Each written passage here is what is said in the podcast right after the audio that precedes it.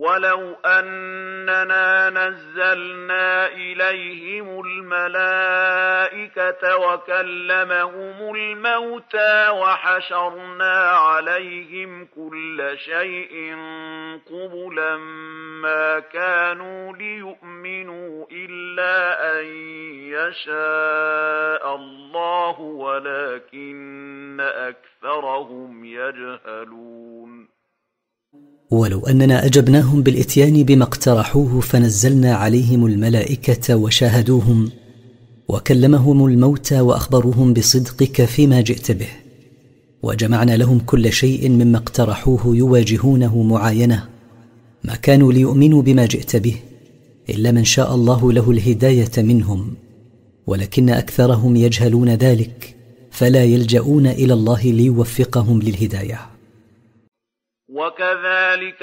جعلنا لكل نبي عدوا شياطين الإنس والجن يوحي بعضهم إلى بعض زخرف القول غرورا يوحي بعضهم إلى بعض زخرف القول غرورا ولو شاء ربك ما فعلوه فذرهم وما يفترون. وكما ابتليناك بمعاداة هؤلاء المشركين لك ابتلينا كل نبي من قبلك فجعلنا لكل واحد منهم أعداء من مرده الإنس وأعداء من مردة الجن يوسوس بعضهم لبعض فيزينون لهم الباطل ليخدعوهم. ولو شاء الله الا يفعلوا ذلك ما فعلوه ولكنه شاء لهم ذلك ابتلاء فاتركهم وما يفترون من الكفر والباطل ولا تعبأ بهم. ولتصغى إليه أفئدة الذين لا يؤمنون بالآخرة وليرضوه وليقترفوا ما هم مقترفون. ولتميل إلى ما يوسوس به بعضهم لبعض قلوب الذين لا يؤمنون بالآخرة وليقبلوه لأنفسهم ويرتضوه لها وليكتسبوا ما هم مكتسبون من المعاصي والآثام. أفغير الله أبتغي حكما وهو الذي أنزل إليكم الكتاب مفصلا والذين آتيناهم الكتاب يعلمون أنه منزل من ربك بالحق فلا تكونن من الممترين قل أيها الرسول لهؤلاء المشركين الذين يعبدون مع الله غيره هل يعقل أن أقبل غير الله حكما بيني وبينكم؟ فالله هو الذي أنزل عليكم القرآن مبينا مستوفيا لكل شيء. واليهود الذين أعطيناهم التوراة والنصارى الذين أعطيناهم الإنجيل يعلمون أن القرآن منزل عليك مشتملا على الحق لما وجدوه في كتابيهما من الدليل على ذلك. فلا تكونن من الشاكين فيما أوحينا إليك. وتمت كلمة ربك صدقا وعدلا. لا مبدل لكلماته وهو السميع العليم. وبلغ القرآن غاية الصدق في الأقوال والأخبار. لا مغير لكلماته وهو السميع لأقوال عباده العليم بها فلا يخفى عليه شيء منها وسيجازي من يسعى لتبديل كلماته. وان تطع أكثر من في الأرض يضلوك عن سبيل الله إن يتبعون إلا الظن وإن هم إلا يخرصون ولو قدر أنك أطعت أيها الرسول أكثر من في الأرض من الناس يضلونك عن دين الله فقد جرت سنة الله أن يكون الحق مع القلة فأكثر الناس لا يتبعون إلا الظن الذي لا مستند له. حيث ظنوا أن معبوداتهم تقربهم إلى الله زلفى وهم يكذبون في ذلك. إن ربك هو أعلم من يضل عن سبيله وهو أعلم بالمهتدين. إن ربك أيها الرسول أعلم بمن يضل عن سبيله من الناس وهو أعلم بالمهتدين إليها لا يخفى عليه شيء من ذلك. فكلوا مما ذكر اسم الله عليه إن كنتم بآياته مؤمنين. فكلوا أيها الناس مما ذكر اسم الله عليه عند الذبح إن كنتم مؤمنين حقا ببراهينه الواضحة. وما لكم الا تاكلوا مما ذكر اسم الله عليه وقد فصل لكم ما حرم عليكم الا ما اضطررتم اليه وان كثيرا ليضلون باهوائهم بغير علم ان ربك هو اعلم بالمعتدين ما الذي يمنعكم أيها المؤمنون من أن تأكلوا مما ذكر اسم الله عليه؟ وقد بين لكم الله ما حرمه عليكم فيجب عليكم تركه إلا إذا ألجأتكم إليه الضرورة فالضرورة تبيح المحظور. وإن كثيرا من المشركين ليبعدون أتباعهم عن الحق بسبب آرائهم الفاسدة جهلا منهم حيث يحلون ما حرم الله عليهم من الميتة وغيرها ويحرمون ما أحل الله لهم من البحيرة والوصيلة والحام وغيرها. إن ربك أيها الرسول هو أعلم بالمتجاوزين لحدود الله وسيجازيهم على تجاوزهم لحدوده. وذروا ظاهر الإثم وباطنه إن الذين يكسبون الإثم سيجزون بما كانوا يقترفون. واتركوا أيها الناس ارتكاب المعاصي في العلانية والسر. إن الذين يرتكبون المعاصي في السر أو العلانية سيجزيهم الله على ما اكتسبوه منها. ولا تاكلوا مما لم يذكر اسم الله عليه وانه لفسق وان الشياطين ليوحون إلى اوليائهم ليجادلوكم وان اطعتموهم انكم لمشركون ولا تأكلوا أيها المسلمون مما لم يذكر اسم الله عليه سواء ذكر عليه اسم غيره أو لا. وإن الأكل منه لخروج عن طاعة الله إلى معصيته. وإن الشياطين ليوسوسون إلى أوليائهم بإلقاء الشبه ليجادلوكم في أكل الميتة. وإن أطعتموهم أيها المسلمون فيما يلقونه من الشبه لإباحة الميتة. كنتم أنتم وهم سواء في الشرك. أومن كان ميتا فأحييناه وجعلنا له نورا يمشي به في الناس كمن مثله في الظلمات ليس بخارج منها. كذلك زين للكافرين ما كانوا يعملون. وهل يستوي الذي كان قبل هداية الله له ميتا لما هو فيه من الكفر والجهل والمعاصي؟ فأحييناه بهدايته للإيمان والعلم والطاعة.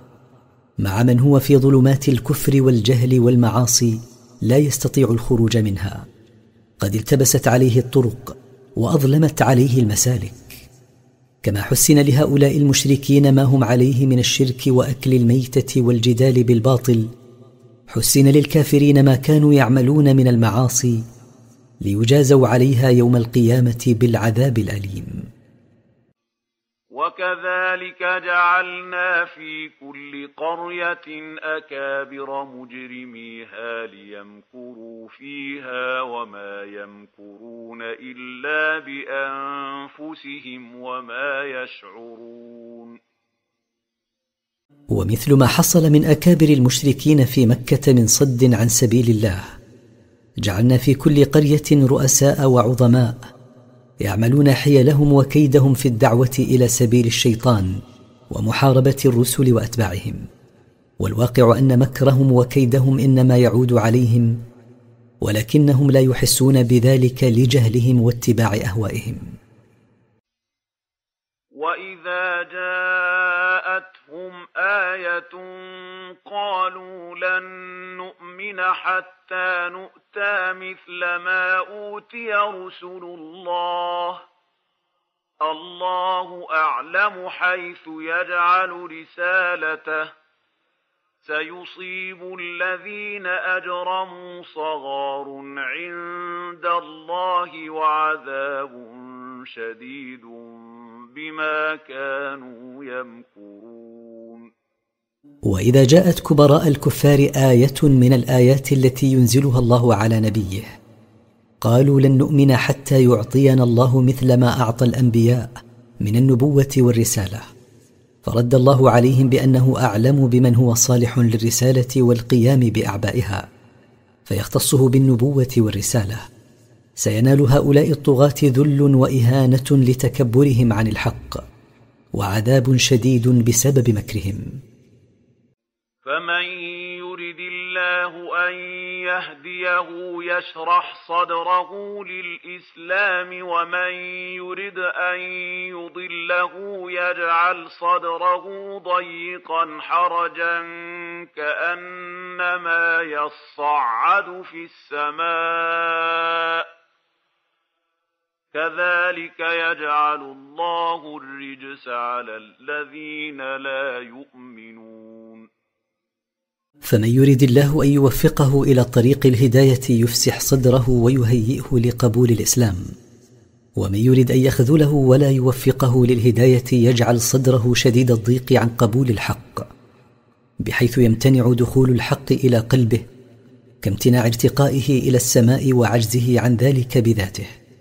وكما جعل الله حال الضال بهذه الحال من الضيق الشديد يجعل العذاب على الذين لا يؤمنون به. وهذا صراط ربك مستقيما. قد فصلنا الآيات لقوم يذكرون. وهذا الدين الذي شرعناه لك أيها الرسول هو صراط الله المستقيم الذي لا اعوجاج فيه. قد بينا الآيات لمن له وعي وفهم يعي به عن الله. لهم دار السلام عند ربهم وهو وليهم بما كانوا يعملون. لهم دار يسلمون فيها من كل مكروه وهي الجنة. والله ناصرهم ومؤيدهم جزاء على ما كانوا يعملون من الصالحات. ويوم يحشرهم جميعا يا معشر الجن قد استكثرتم من الإنس وقال أولياؤهم من الإنس ربنا استمتع بعضنا ببعض وبلغنا أجلنا الذي أجلت لنا قال النار مثواكم خالدين فيها إلا ما شاء الله. إن ربك حكيم عليم. واذكر أيها الرسول يوم يحشر الله الثقلين من الإنس والجن. ثم يقول الله يا معشر الجن قد أكثرتم من إضلال الإنس وصدهم عن سبيل الله. وقال اتباعهم من الإنس مجيبين ربهم. يا ربنا تمتع كل منا بصاحبه فالجني تمتع بطاعة الإنسي له والإنسي تمتع بنيل شهواته.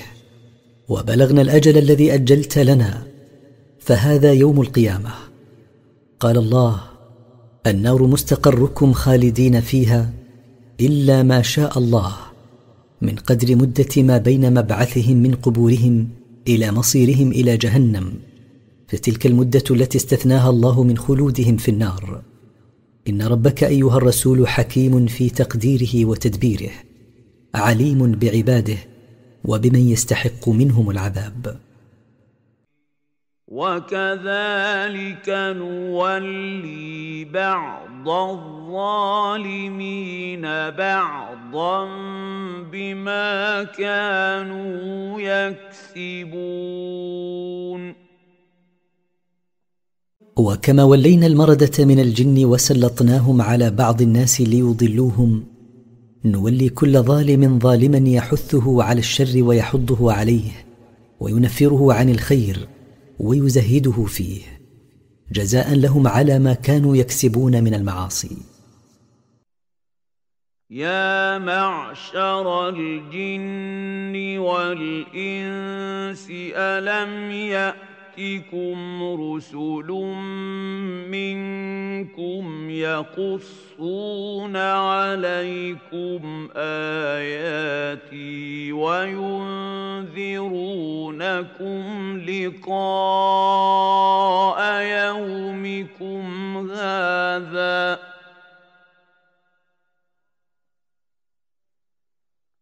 قالوا شهدنا على أنفسنا وغرتهم الحياة الدنيا وشهدوا على أنفسهم أنهم كانوا كافرين. ونقول لهم يوم القيامة يا معشر الإنس والجن ألم يأتكم رسل من جنسكم فهم من الإنس يتلون عليكم ما أنزل الله عليهم ويخوفونكم لقاء يومكم هذا الذي هو يوم القيامة. قالوا بلى أقررنا اليوم على أنفسنا بأن رسلك قد بلغونا وأقررنا بلقاء هذا اليوم لكن كذبنا رسلك وكذبنا بلقاء هذا اليوم. وخدعتهم الحياة الدنيا بما فيها من زينة وزخرف ونعيم زائل. وأقروا على أنفسهم أنهم كانوا في الدنيا كافرين بالله وبرسله. ولن ينفعهم هذا الإقرار ولا الإيمان لفوات وقته. ذلك أن لم يكن ربك مهلك القرى بظلم وأهلها غافلون. ذلك الإعذار بإرسال الرسل إلى الإنس والجن لئلا يعاقب أحد على ما جناه وهو لم يرسل إليه رسول ولم تبلغه دعوة. فلم نعذب أمة من الأمم إلا بعد إرسال الرسل إليهم. ولكل درجات مما عملوا وما ربك بغافل عما يعملون ولكل منهم درجات بحسب اعمالهم فلا يستوي كثير الشر وقليله ولا التابع والمتبوع كما لا يستوي ثواب الذين يعملون الصالحات. وليس ربك بغافل عما كانوا يعملونه بل هو مطلع عليه لا يخفى عليه منه شيء وسيجازيهم على أعمالهم. وربك الغني ذو الرحمة. إن يشأ يذهبكم ويستخلف من بعدكم ما يشاء كما أنشأكم من ذرية قوم آخرين وربك أيها الرسول هو الغني عن عباده فلا يحتاج إليهم ولا إلى عبادتهم ولا يضره كفرهم ومع غناه عنهم فهو ذو رحمة بهم. إن يشا إهلاككم أيها العباد العصاة يستأصلكم بعذاب من عنده ويوجد بعد إهلاككم من يشاء ممن يؤمنون به ويطيعونه. كما خلقكم أنتم من نسل قوم آخرين كانوا قبلكم. إنما توعدون لآت وما أنتم بمعجزين إنما توعدون به أيها الكفار من البعث والنشور والحساب والعقاب لآت لا محالة ولن تفوتوا ربكم بالهرب فهو آخذ بنواصيكم ومعذبكم بعذابه. قل يا قوم اعملوا على مكانتكم اني عامل فسوف تعلمون من تكون له عاقبه الدار إنه لا يفلح الظالمون. قل أيها الرسول يا قوم اثبتوا على طريقتكم وما أنتم عليه من الكفر والضلال فقد أعذرت وأقمت الحجة عليكم بالبلاغ المبين فلست مباليا بكفركم وضلالكم بل سأثبت على ما أنا عليه من الحق. فستعلمون من يكون له النصر في الدنيا ومن يرث الأرض ومن له الدار الآخرة. إنه لا يفوز المشركون لا في الدنيا ولا في الآخرة بل عاقبتهم الخسران وإن تمتعوا بما تمتعوا به في الدنيا. وجعلوا لله مما ذرأ من الحرث والأنعام نصيبا فقالوا هذا لله بزعمهم وهذا لشركائنا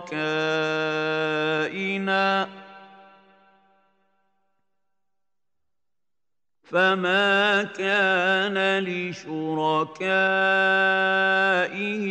فلا يصل إلى الله وما كان لله فهو يصل إلى شركائهم ساء ما يحكمون وابتدع المشركون بالله أن جعلوا لله مما خلق من الزروع والأنعام قسما فزعموا أنه لله وقسما آخر لأوثانهم وأنصابهم فما خصصوه لشركائهم لا يصل إلى المصارف التي شرع الله الصرف فيها كالفقراء والمساكين وما خصصوه لله فهو يصل إلى شركائهم من الأوثان يصرف في مصالحها ألا ساء حكمهم وقسمتهم. وكذلك زين لكثير من المشركين قتل أولادهم شركاءهم ليردوهم وليلبسوا عليهم دينهم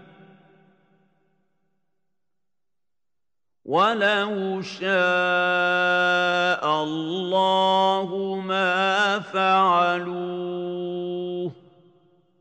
فذرهم وما يفترون وكما حسن الشيطان للمشركين هذا الحكم الجائر حسن لكثير من المشركين شركاؤهم من الشياطين ان يقتلوا اولادهم خشيه الفقر ليهلكوهم بالوقوع في قتل النفس التي حرم الله قتلها إلا بحق وليخلطوا عليهم دينهم فلا يعرفون ما هو مشروع وما هو غير مشروع. ولو شاء الله ألا يفعلوا ذلك ما فعلوه ولكنه شاء ذلك لحكمة بالغة. فاترك أيها الرسول هؤلاء المشركين وافتراءهم الكذب على الله فإن ذلك لا يضرك وسلم أمرهم لله. وقالوا هذه أنعام وحرث حجر لا يطعمها إلا من نشاء بزعمهم وأنعام حرمت ظهورها وأنعام لا يذكرون اسم الله عليها افتراء عليه سيجزيهم بما كانوا يفترون.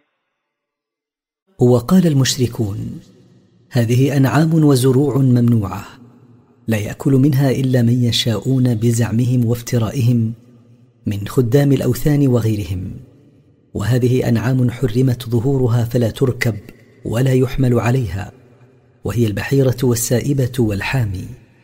وهذه أنعام لا يذكرون اسم الله عليها عند الذبح وإنما يذبحونها باسم أصنامهم. ارتكبوا ذلك كله كذبا على الله أن ذلك من عنده. سيجزيهم الله بعذابه بسبب ما كانوا يفترون عليه. وقالوا ما في بطون هذه الأنعام خالصة لذكورنا ومحرم على أزواجنا وإن يكن ميتة فهم فيه شركاء سيجزيهم وصفهم إنه حكيم عليم وقالوا ما في بطون هذه السوائب والبحائر من الأجنة؟ إن ولد حيا حلال على ذكورنا محرم على نسائنا. وإن ولد ما في بطونها من الأجنة ميتا فالذكور والإناث فيه شركاء. سيجزيهم الله تعالى بقولهم هذا ما يستحقون. إنه حكيم في تشريعه وتدبيره شؤون خلقه عليم بهم. قد خسر الذين قتلوا أولادهم سفها بغير علم وحرموا ما رزقهم الله افتراء على الله قد ضلوا وما كانوا مهتدين قد هلك الذين قتلوا اولادهم لخفه عقولهم ولجهلهم وحرموا ما رزقهم الله من الأنعام ناسبين ذلك إلى الله كذبا. قد بعدوا عن الصراط المستقيم وما كانوا مهتدين إليه. وهو الذي أنشأ جنات معروشات وغير معروشات والنخل والزرع مختلفا أكله والزيتون والرمان متشابها وغير متشابه كلوا من ثمره إذا أثمر وآتوا حقه يوم حصاده ولا تسرفوا إنه لا يحب المسرفين والله سبحانه هو الذي خلق بساتين مبسوطة على وجه الأرض دون ساق ومرفوعة عليها ذات ساق. وهو الذي خلق النخل وخلق الزرع مختلفا ثمره في الشكل والطعم. وهو الذي خلق الزيتون والرمان ورقهما متشابه وطعمهما غير متشابه. كلوا أيها الناس من ثمره إذا أثمر وأدوا زكاته يوم حصاده. ولا تتجاوزوا الحدود الشرعية في الأكل والإنفاق. فالله لا يحب المتجاوزين لحدوده فيهما ولا في غيرهما بل يبغضه. إن الذي خلق ذلك كله هو الذي أباحه لعباده فليس للمشركين تحريمه. ومن الأنعام حمولة وفرشا كلوا مما رزقكم الله ولا تتبعوا خطوات الشيطان انه لكم عدو مبين وهو الذي أنشأ لكم من الأنعام ما هو صالح لأن يحمل عليه ككبار الإبل وما ليس صالحا لذلك كصغاره وكالغنم. كلوا أيها الناس مما رزقكم الله من هذه الأشياء التي أباحها لكم ولا تتبعوا خطوات الشيطان في تحليل ما حرم الله وتحريم ما أحله كما يفعل المشركون. إن الشيطان لكم أيها الناس عدو واضح العداوة حيث يريد منكم أن تعصوا الله بذلك. ثمانية أزواج من الضأن اثنين ومن المعز اثنين. قل أذكرين حرم أم الأنثيين أما اشتملت عليه أرحام الأنثيين نبئوني بعلم إن كنتم صادقين. خلق لكم ثمانية أصناف من الضأن زوجين ذكرا وأنثى ومن المعز اثنين. قل أيها الرسول للمشركين هل حرم الله تعالى الذكرين منهما لعلة الذكورة؟ فإن قالوا نعم فقل لهم لم تحرمون الإناث؟ أو أنه حرم الأنثيين لعلة الأنوثة؟ فإن قالوا نعم فقل لهم لم تحرمون الذكرين؟ أو أنه حرم ما اشتملت عليه أرحام الأنثيين لعلة اشتمال الرحم عليه؟ فإن قالوا نعم فقل لهم لم تفرقون بين ما اشتملت عليه الأرحام؟ بتحريم ذكوره تارة وتحريم إناثه تارة. أخبروني أيها المشركون بما تستندون عليه من علم صحيح إن كنتم صادقين في دعواكم أن تحريم ذلك من الله. ومن الإبل اثنين ومن البقر اثنين. قل أذكرين حرم أم الأنثيين أما اشتملت عليه أرحام الأنثيين أم كنتم شهداء إذ وصاكم الله بهذا فمن أظلم ممن افترى على الله كذبا ليضل الناس بغير علم. إن الله لا يهدي القوم الظالمين. وبقية الأصناف الثمانية هي زوجان من الإبل وزوجان من البقر. قل أيها الرسول للمشركين الله حرم ما حرم منها لذكورته أم لأنوثته؟ أم لاشتمال الرحم عليه؟ أم كنتم أيها المشركون حاضرين بزعمكم حين وصاكم الله بتحريم ما حرمتم من هذه الأنعام؟ فلا أحد أعظم ظلما ولا أكبر جرما ممن افترى على الله الكذب فنسب إليه تحريم ما لم يحرم ليضل الناس عن الصراط المستقيم بغير علم يستند إليه. إن الله لا يوفق للهداية الظالمين بافترائهم الكذب على الله.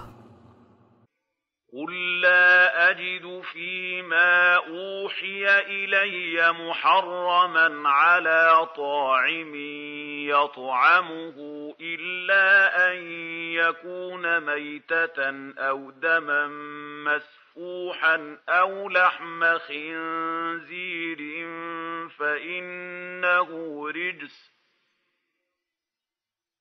فإنه رجس أو فسقا أهل لغير الله به فمن اضطر غير باغ ولا عاد فإن ربك غفور رحيم قل أيها الرسول لا أجد فيما أوحاه الله إلي شيئا محرما إلا ما مات دون ذكاه أو كان دما سائلا أو كان لحم خنزير فإنه نجس حرام. أو كان مما ذبح على غير اسم الله كالمذبوح لأصنامهم. فمن ألجأته الضرورة إلى الأكل من هذه المحرمات لشدة الجوع غير طالب تلذذا بأكلها وغير متجاوز حد الضرورة فلا إثم عليه في ذلك. إن ربك أيها الرسول غفور للمضطر إن أكل منها رحيم به. ولما ذكر الله ما حرمه على الأمة ذكر ما حرمه على اليهود ليبين أن ما حرمه المشركون من الأنعام لا يستندون فيه على ما جاء من عند الله وإنما يتبعون فيه إملاء الشيطان. فقال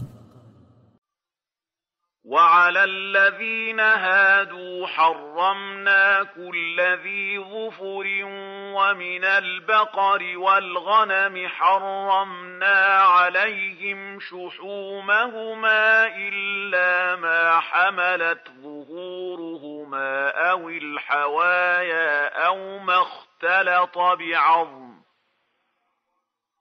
ذلك جزيناهم ببغيهم وإنا لصادقون. وحرمنا على اليهود ما لم تتفرق أصابعه كالإبل والنعام وحرمنا عليهم شحوم البقر والغنم إلا ما علق بظهورهما أو ما حملته الأمعاء أو ما اختلط بعظم كالألية والجنب وقد جازيناهم على ظلمهم بتحريم ذلك عليهم وإنا لصادقون في كل ما نخبر به. فإن كذبوك فقل ربكم ذو رحمة واسعة ولا يرد بأسه عن القوم المجرمين. فإن كذبوك أيها الرسول ولم يصدقوا بما جئت به من ربك فقل ترغيبا لهم ربكم ذو رحمة واسعة ومن رحمته بكم إمهاله لكم وعدم معاجلته لكم بالعذاب. وقل لهم تحذيرا لهم إن عذابه لا يرد عن القوم الذين يرتكبون المعاصي والآثام. سيقول الذين أشركوا لو شاء الله ما أشركنا ولا آباؤنا ولا حرمنا من شيء. كذلك كذب الذين من قبلهم حتى ذاقوا بأسنا. قل هل عندكم من علم فتخرجوه لنا إن تتبعون إلا الظن وإن أنتم إلا تخرصون سيقول المشركون محتجين بمشيئة الله وقدره على صحة إشراكهم بالله. لو شاء الله الا نشرك نحن ولا آباؤنا بالله لما أشركنا به. ولو شاء الله الا نحرم ما حرمناه على أنفسنا لما حرمناه. وبمثل حجتهم الداحضة كذب الذين من قبلهم برسلهم قائلين لو شاء الله الا نكذب بهم لما كذبنا بهم.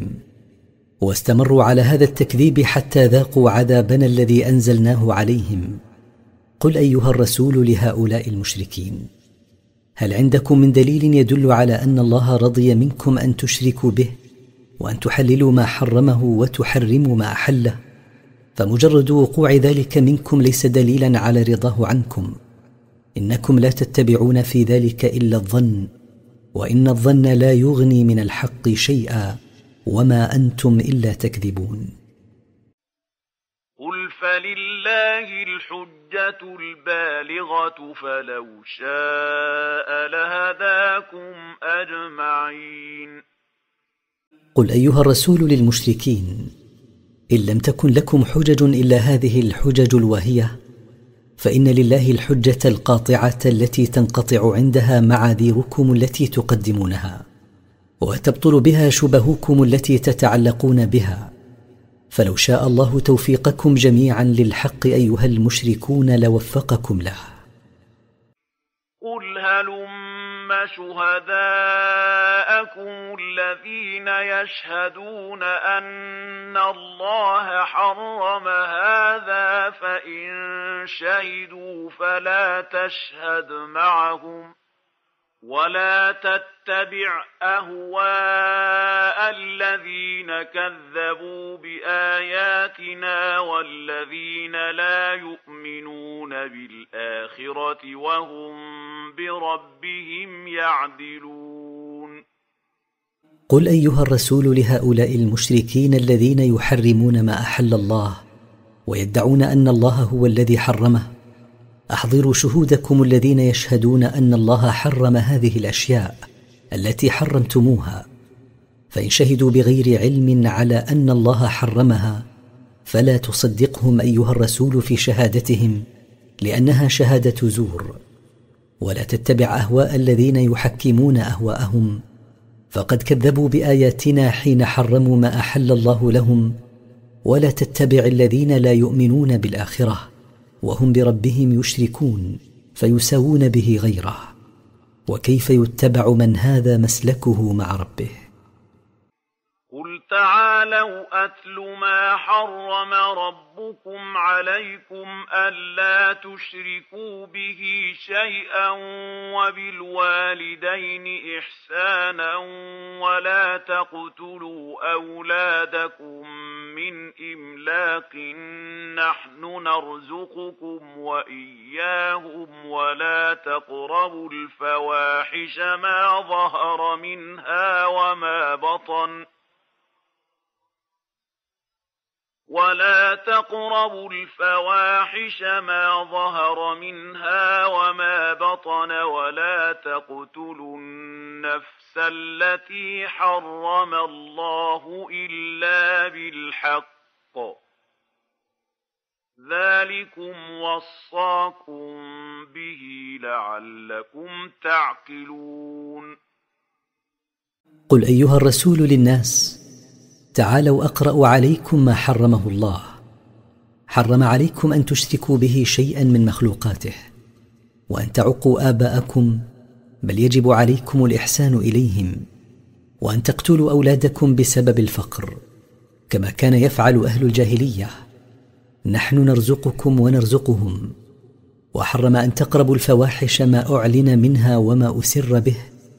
وأن تقتلوا النفس التي حرم الله قتلها إلا بالحق كالزنا بعد الإحصان والردة بعد الإسلام. ذلكم المذكور وصاكم به لعلكم تعقلون عن الله أوامره ونواهيه. ولا تقربوا مال اليتيم إلا بالتي هي أحسن حتى يبلغ اشد رشده وأوفوا الكيل والميزان بالقسط لا نكلف نفسا إلا وسعها لا نكلف نفسا إلا وسعها وإذا قلتم فاعدلوا ولو كان ذا قربى وبعهد الله أوفوا ذلكم وصاكم به لعلكم تذكرون وحرم ان تتعرضوا لمال اليتيم وهو الذي فقد اباه قبل البلوغ الا بما فيه صلاح ونفع له وزياده لماله حتى يبلغ ويؤنس منه الرشد. وحرم عليكم التطفيف في الكيل والميزان بل يجب عليكم العدل في الاخذ والاعطاء في البيع والشراء. لا نكلف نفسا إلا طاقتها فما لا يمكن الاحتراز منه من الزيادة أو النقصان في المكاييل وغيرها لا مؤاخذة فيه. وحرم عليكم أن تقولوا غير الصواب في خبر أو شهادة دون محاباة قريب أو صديق. وحرم عليكم نقض عهد الله إن عاهدتم الله أو عاهدتم بالله بل يجب عليكم الوفاء بذلك. ذلك المتقدم أمركم الله به امرا مؤكدا رجاء أن تتذكروا عاقبة أمركم. وأن هذا صراطي مستقيما فاتبعوه ولا تتبعوا السبل فتفرق بكم عن سبيله. ذلكم وصاكم به لعلكم تتقون. وحرم عليكم أن تتبعوا سبل الضلال وطرقه. بل يجب عليكم اتباع طريق الله المستقيم الذي لا اعوجاج فيه وطرق الضلال تؤدي بكم إلى التفرق والبعد عن طريق الحق. ذلك الاتباع لطريق الله المستقيم هو الذي وصاكم الله به رجاء أن تتقوه بامتثال ما أمر به واجتناب ما نهى عنه. اتينا موسى الكتاب تماما على الذي أحسن وتفصيلا لكل شيء وتفصيلا لكل شيء وهدى ورحمة لعلهم بلقاء ربهم يؤمنون. ثم بعد الإخبار بما ذكر نخبر انا أعطينا موسى التوراة تماما للنعمة جزاء على إحسانه العمل وتبيينا لكل شيء يحتاج إليه في الدين ودلالة على الحق ورحمة رجاء أن يؤمنوا بلقاء ربهم يوم القيامة فيستعدوا له بالعمل الصالح. وهذا كتاب أنزلناه مبارك فاتبعوه واتقوا لعلكم ترحمون. وهذا القرآن كتاب أنزلناه كثير البركة لما يشتمل عليه من المنافع الدينية والدنيوية. فاتبعوا ما أنزل فيه واحذروا مخالفته رجاء أن ترحموا. أن تقولوا إنما أنزل الكتاب على طائفتين من قبلنا وإن كنا عن دراستهم لغافلين. لئلا تقولوا يا مشركي العرب إنما أنزل الله التوراة والإنجيل على اليهود والنصارى من قبلنا ولم ينزل علينا كتابا وإنا لا ندري تلاوة كتبهم لأنها بلغتهم وليست بلغتنا. أو تقولوا لو أنا أنزل علينا الكتاب لكنا أهدى منهم فقد جاءكم بينة من ربكم وهدى ورحمة. فمن أظلم ممن كذب بآيات الله وصدف عنها سنجزي الذين يصدفون عن آياتنا سوء العذاب بما كانوا يصدفون ولئلا تقولوا لو أنزل الله علينا كتابا كما أنزله على اليهود والنصارى لكنا أكثر استقامة منهم. فقد جاءكم كتاب أنزله الله على نبيكم محمد صلى الله عليه وسلم بلسانكم.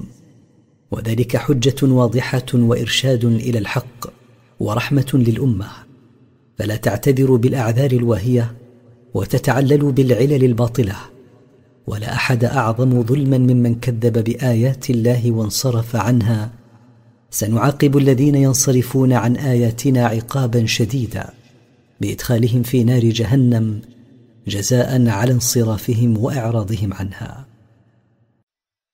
هل ينظرون إلا أن تأتيهم الملائكة أو يأتي ربك أو يأتي بعض آيات ربك؟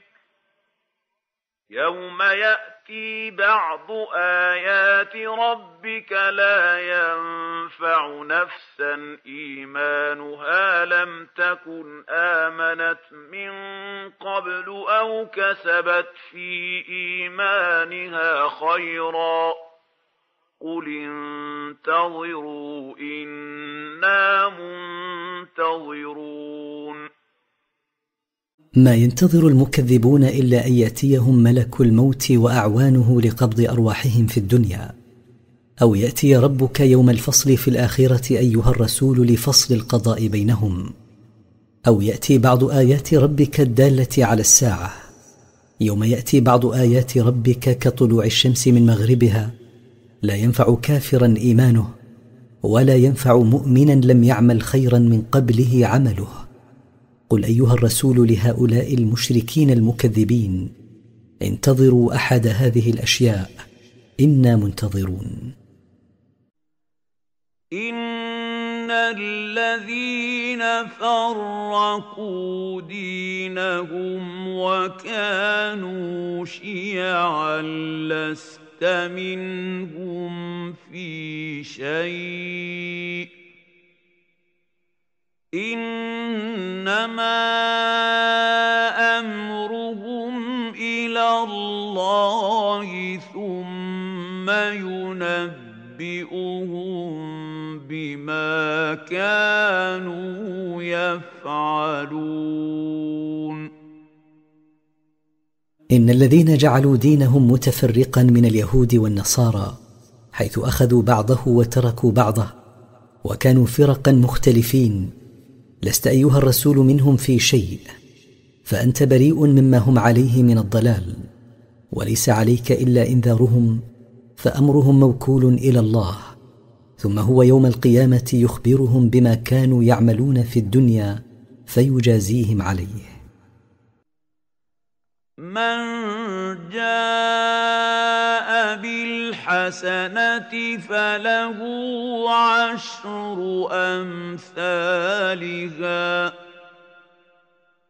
ومن جاء بالسيئة فلا يجزى إلا مثلها وهم لا يظلمون.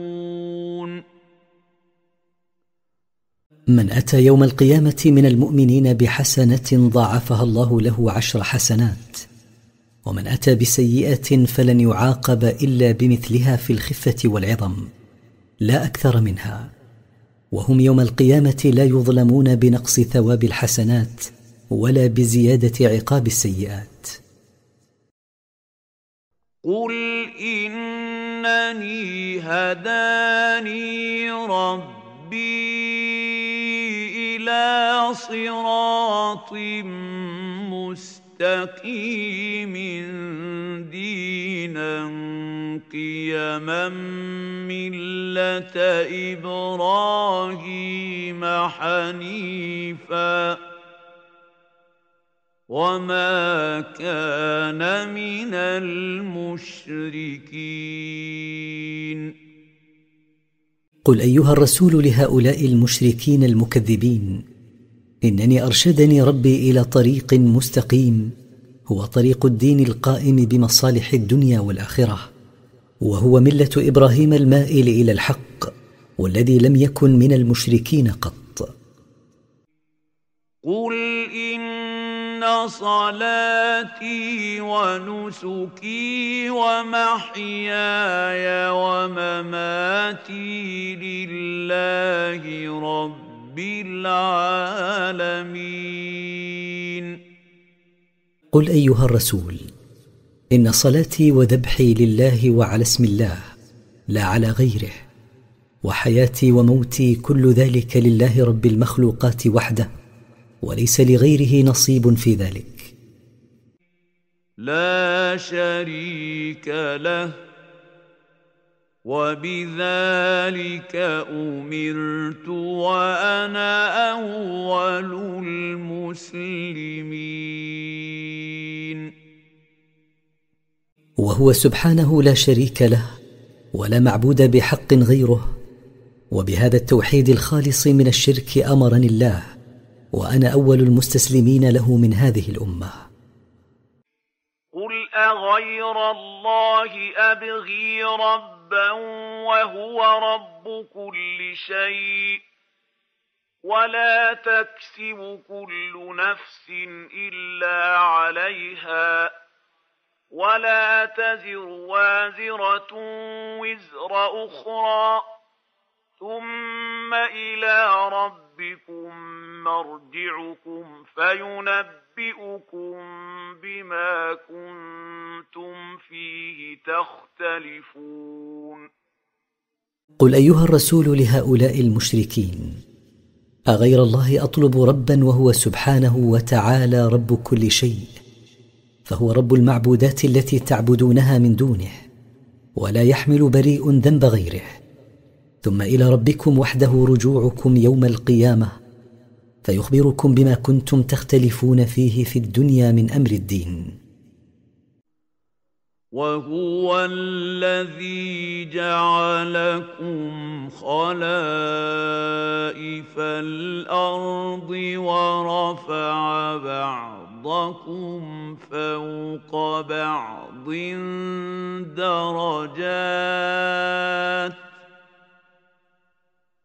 ورفع بعضكم فوق بعض درجات ليبلوكم فيما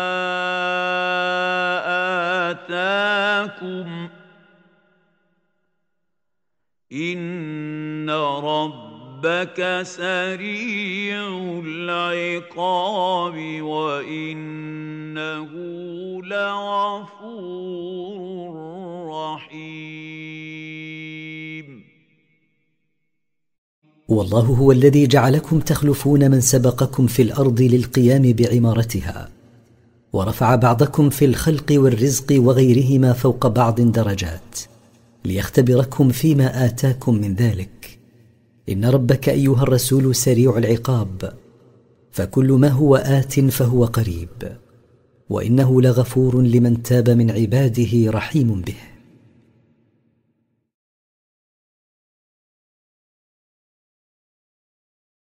بسم الله الرحمن الرحيم. سورة الأعراف مكية. من مقاصد السورة. انتصار الحق في صراعه مع الباطل وبيان عاقبة المستكبرين في الدنيا والآخرة. التفسير. ألف لام ميم صاد. ألف لام ميم صاد.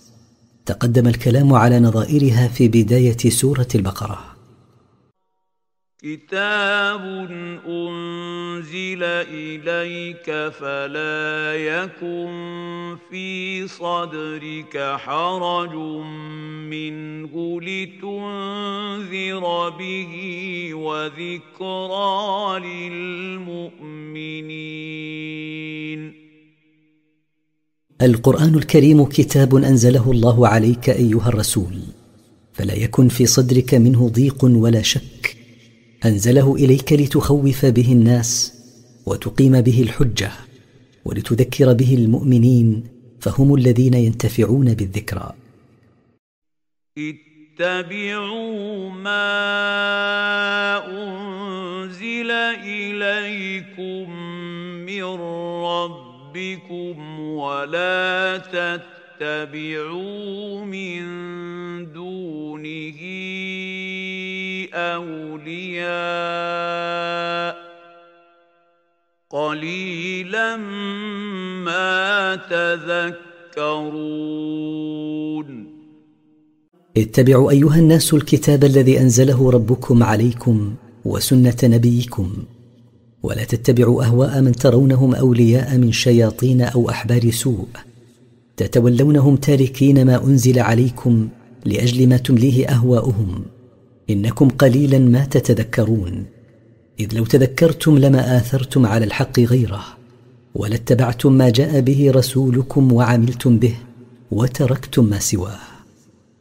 وكم من قريه اهلكناها فجاءها باسنا بياتا أو هم قائلون ما أكثر القرى التي أهلكناها بعذابنا لما أصرت على كفرها وضلالها؟ فنزل عليها عذابنا الشديد في حال غفلتها ليلا أو نهارا فلم يستطيعوا دفع العذاب عن أنفسهم ولم تدفعه عنهم آلهتهم المزعومة. فما كان دعواهم إذ جاءهم بأسنا إلا أن قالوا كنا ظالمين فما كان منهم بعد نزول العذاب إلا أن أقروا على أنفسهم بظلمهم بالكفر بالله. فلنسالن الذين ارسل اليهم ولنسالن المرسلين. فلنسألن يوم القيامة الأمم التي أرسلنا إليها رسلنا عما أجابوا به الرسل ولنسألن الرسل عن تبليغ ما أمروا بتبليغه وعما أجابتهم به أممهم. فلنقصن عليهم بعلم وما كنا غائبين فلنقصن على جميع الخلق اعمالهم التي عملوها في الدنيا بعلم منا فقد كنا عالمين باعمالهم كلها لا يغيب عنا منها شيء وما كنا غائبين عنهم في أي وقت من الأوقات. والوزن يومئذ الحق فمن ثقلت موازينه فأولئك هم المفلحون. ووزن الأعمال يوم القيامة يكون بالعدل الذي لا جور معه ولا ظلم. فمن رجحت عند الوزن كفة حسناته على كفة سيئاته فأولئك هم الذين فازوا بالمطلوب ونجوا من المرهوب. ومن خفت موازينه فأولئك الذين خسروا أنفسهم بما كانوا بآياتنا يظلمون. ومن رجحت عند الوزن كفة سيئاته على كفة حسناته فأولئك الذين خسروا أنفسهم بإيرادها موارد الهلاك يوم القيامة بسبب جحدهم بآيات الله. ولقد مكناكم في الأرض وجعلنا لكم فيها معايش. قليلا ما تشكرون. ولقد مكناكم يا بني آدم في الأرض وجعلنا لكم فيها اسبابا للعيش. فكان عليكم أن تشكروا الله على ذلك لكن شكركم كان قليلا. ولقد خلقناكم ثم صورناكم ثم قلنا للملائكة اسجدوا لآدم فسجدوا إلا إبليس لم يكن من الساجدين ولقد أنشأنا أيها الناس أباكم آدم ثم صورناه في احسن صوره واحسن تقويم. ثم أمرنا الملائكة بالسجود إكراما له فامتثلوا وسجدوا إلا إبليس أبى أن يسجد تكبرا وعنادا. قال ما منعك ألا تسجد إذ أمرتك؟ قال أنا خير منه. خلقتني من نار وخلقته من طين. قال الله تعالى توبيخا لإبليس أي شيء منعك من امتثال أمري لك بالسجود لآدم؟ قال إبليس مجيبا ربه منعني أني أفضل منه فقد خلقتني من نار وخلقته هو من طين والنار أشرف من الطين. قال فاهبط منها فما يكون لك ان تتكبر فيها فاخرج انك من الصاغرين قال الله له اهبط من الجنه فليس لك ان تتكبر فيها لانها دار الطيبين الطاهرين فما يجوز لك ان تكون فيها. انك يا ابليس من الحقيرين الذليلين وإن كنت ترى نفسك أنك أشرف من آدم. قال أنظرني إلى يوم يبعثون. قال إبليس يا رب أمهلني إلى يوم البعث حتى أغوي من أستطيع إغواءه من الناس. قال إنك من المنظرين.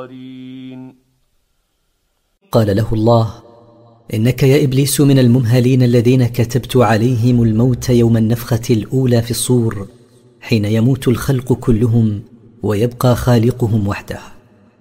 قال فبما أغويتني لأقعدن لهم صراطك المستقيم.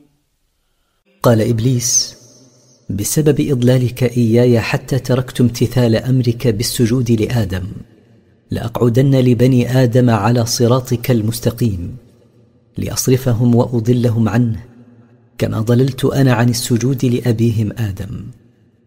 ثم لآتينهم من بين أيديهم ومن خلفهم وعن أيمانهم وعن شمائلهم ولا تجد أكثرهم شاكرين. ثم لآتينهم من جميع الجهات بالتزهيد في الآخرة والترغيب في الدنيا وإلقاء الشبهات وتحسين الشهوات. ولا تجد يا رب أكثرهم شاكرين لك لما أمليه عليهم من الكفر. قال اخرج منها مذءوما مدحورا. لمن تبعك منهم لاملان جهنم منكم اجمعين قال الله له اخرج يا إبليس من الجنة مذموما مطرودا من رحمة الله ولأملأن جهنم يوم القيامة منك ومن كل من اتبعك وأطاعك وعصى أمر ربه. ويا آدم اسكن أنت وزوجك الجنة فكلا من حيث شئتما ولا تقربا هذه الشجرة فتكونا من الظالمين. وقال الله لآدم يا آدم اسكن أنت وزوجتك حواء الجنة فكلا مما فيها من الطيبات ما شئتما. ولا تأكلا من هذه الشجرة شجرة عينها الله لهما فإنكما إن أكلتما منها بعد نهيي لكما كنتما من المتجاوزين لحدود الله. فوسوس لهما الشيطان ليبدي لهما ما وري عنهما من سواتهما وقال ما نهاكما ربكما عن هذه الشجرة.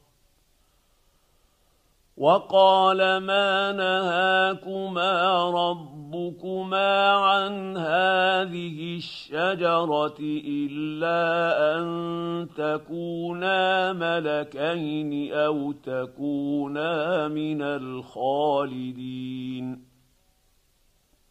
فألقى لهما كلاما خفيا إبليس ليظهر لهما ما ستر عنهما من عوراتهما وقال لهما ما نهاكم الله عن الأكل من هذه الشجرة إلا كراهة أن تكونا ملكين وإلا كراهة أن تكونا من الخالدين في الجنة.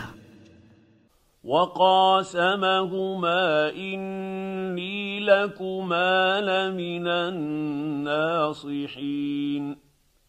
وحلف لهما بالله إني لكما يا آدم وحواء لمن الناصحين فيما أشرت عليكما به.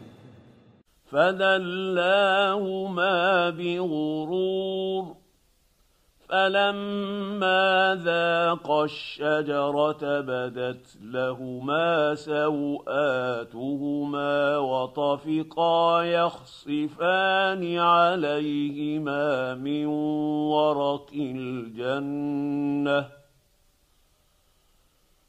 وناداهما رب ربهما الم انهكما عن تلكما الشجره واقل لكما ان الشيطان لكما عدو مبين فحطهما من المنزلة التي كانا فيها بخداع منه وغرور فلما أكلا من الشجرة التي نهي عن الأكل منها ظهرت لهما عورتهما مكشوفة فأخذا يلزقان عليهما من ورق الجنة ليسترا عوراتهما. وناداهما ربهما قائلا ألم أنهكما عن الأكل من هذه الشجرة؟ وأقل لكما محذرا لكما. إن الشيطان عدو لكما بين العداوة. قالا ربنا ظلمنا أنفسنا وإن لم تغفر لنا وترحمنا لنكونن من الخاسرين. قال آدم وحواء يا ربنا ظلمنا أنفسنا بارتكاب ما نهيتنا عنه من الأكل من الشجرة وإن لم تغفر لنا ذنوبنا وترحمنا برحمتك لنكونن من الخاسرين بإضاعتنا حظنا في الدنيا والآخرة. قال اهبطوا بعضكم لبعض عدو ولكم في الأرض مستقر ومتاع إلى حين. قال الله لآدم وحواء وإبليس اهبطوا من الجنة إلى الأرض. وسيكون بعضكم عدوا لبعض. ولكم في الأرض مكان استقرار إلى وقت معلوم وتمتع بما فيها إلى أجل مسمى. قال فيها تحيون وفيها تموتون ومنها تخرجون. قال الله مخاطبا آدم وحواء وذريتهما في هذه الأرض تحيون مدة ما قدر الله لكم من آجال وفيها تموتون وتدفنون ومن قبوركم تخرجون للبعث. يا بني آدم قد أنزلنا عليكم لباسا يواري سوآتكم وريشا ولباس ذلك خير. ذلك من آيات الله لعلهم يذكرون. يا بني آدم قد جعلنا لكم لباسا ضروريا لستر عوراتكم وجعلنا لكم لباسا كماليا تتجملون به في الناس ولباس التقوى التي هي امتثال ما أمر الله به واجتناب ما نهى عنه. خير من هذا اللباس الحسي. ذلك المذكور من اللباس من آيات الله الدالة على قدرته. لعلكم تتذكرون نعمه عليكم فتشكرونها. يا بني آدم لا يفتننكم الشيطان كما اخرج ابويكم من الجنه ينزع عنهما لباسهما ليريهما سواتهما انه يراكم هو وقبيله من حيث لا ترونهم انا جعلنا الشياطين اولياء للذين لا يؤمنون يا بني آدم لا يغرنكم الشيطان بتزيين المعصية. بترك اللباس الحسي لستر العورة أو ترك لباس التقوى فقد خدع أبويكم بتزيين الأكل من الشجرة حتى كان مآل ذلك أن أخرجهما من الجنة وبدت لهما عورتهما. إن الشيطان وذريته يرونكم ويشاهدونكم وأنتم لا ترونهم ولا تشاهدونهم فيلزمكم الحذر منه ومن ذريته. إنا جعلنا الشياطين أولياء للذين لا يؤمنون بالله وأما المؤمنون الذين يعملون الصالحات فلا سبيل لهم عليهم. وإذا فعلوا فاحشة قالوا وجدنا عليها آباءنا والله أمرنا بها.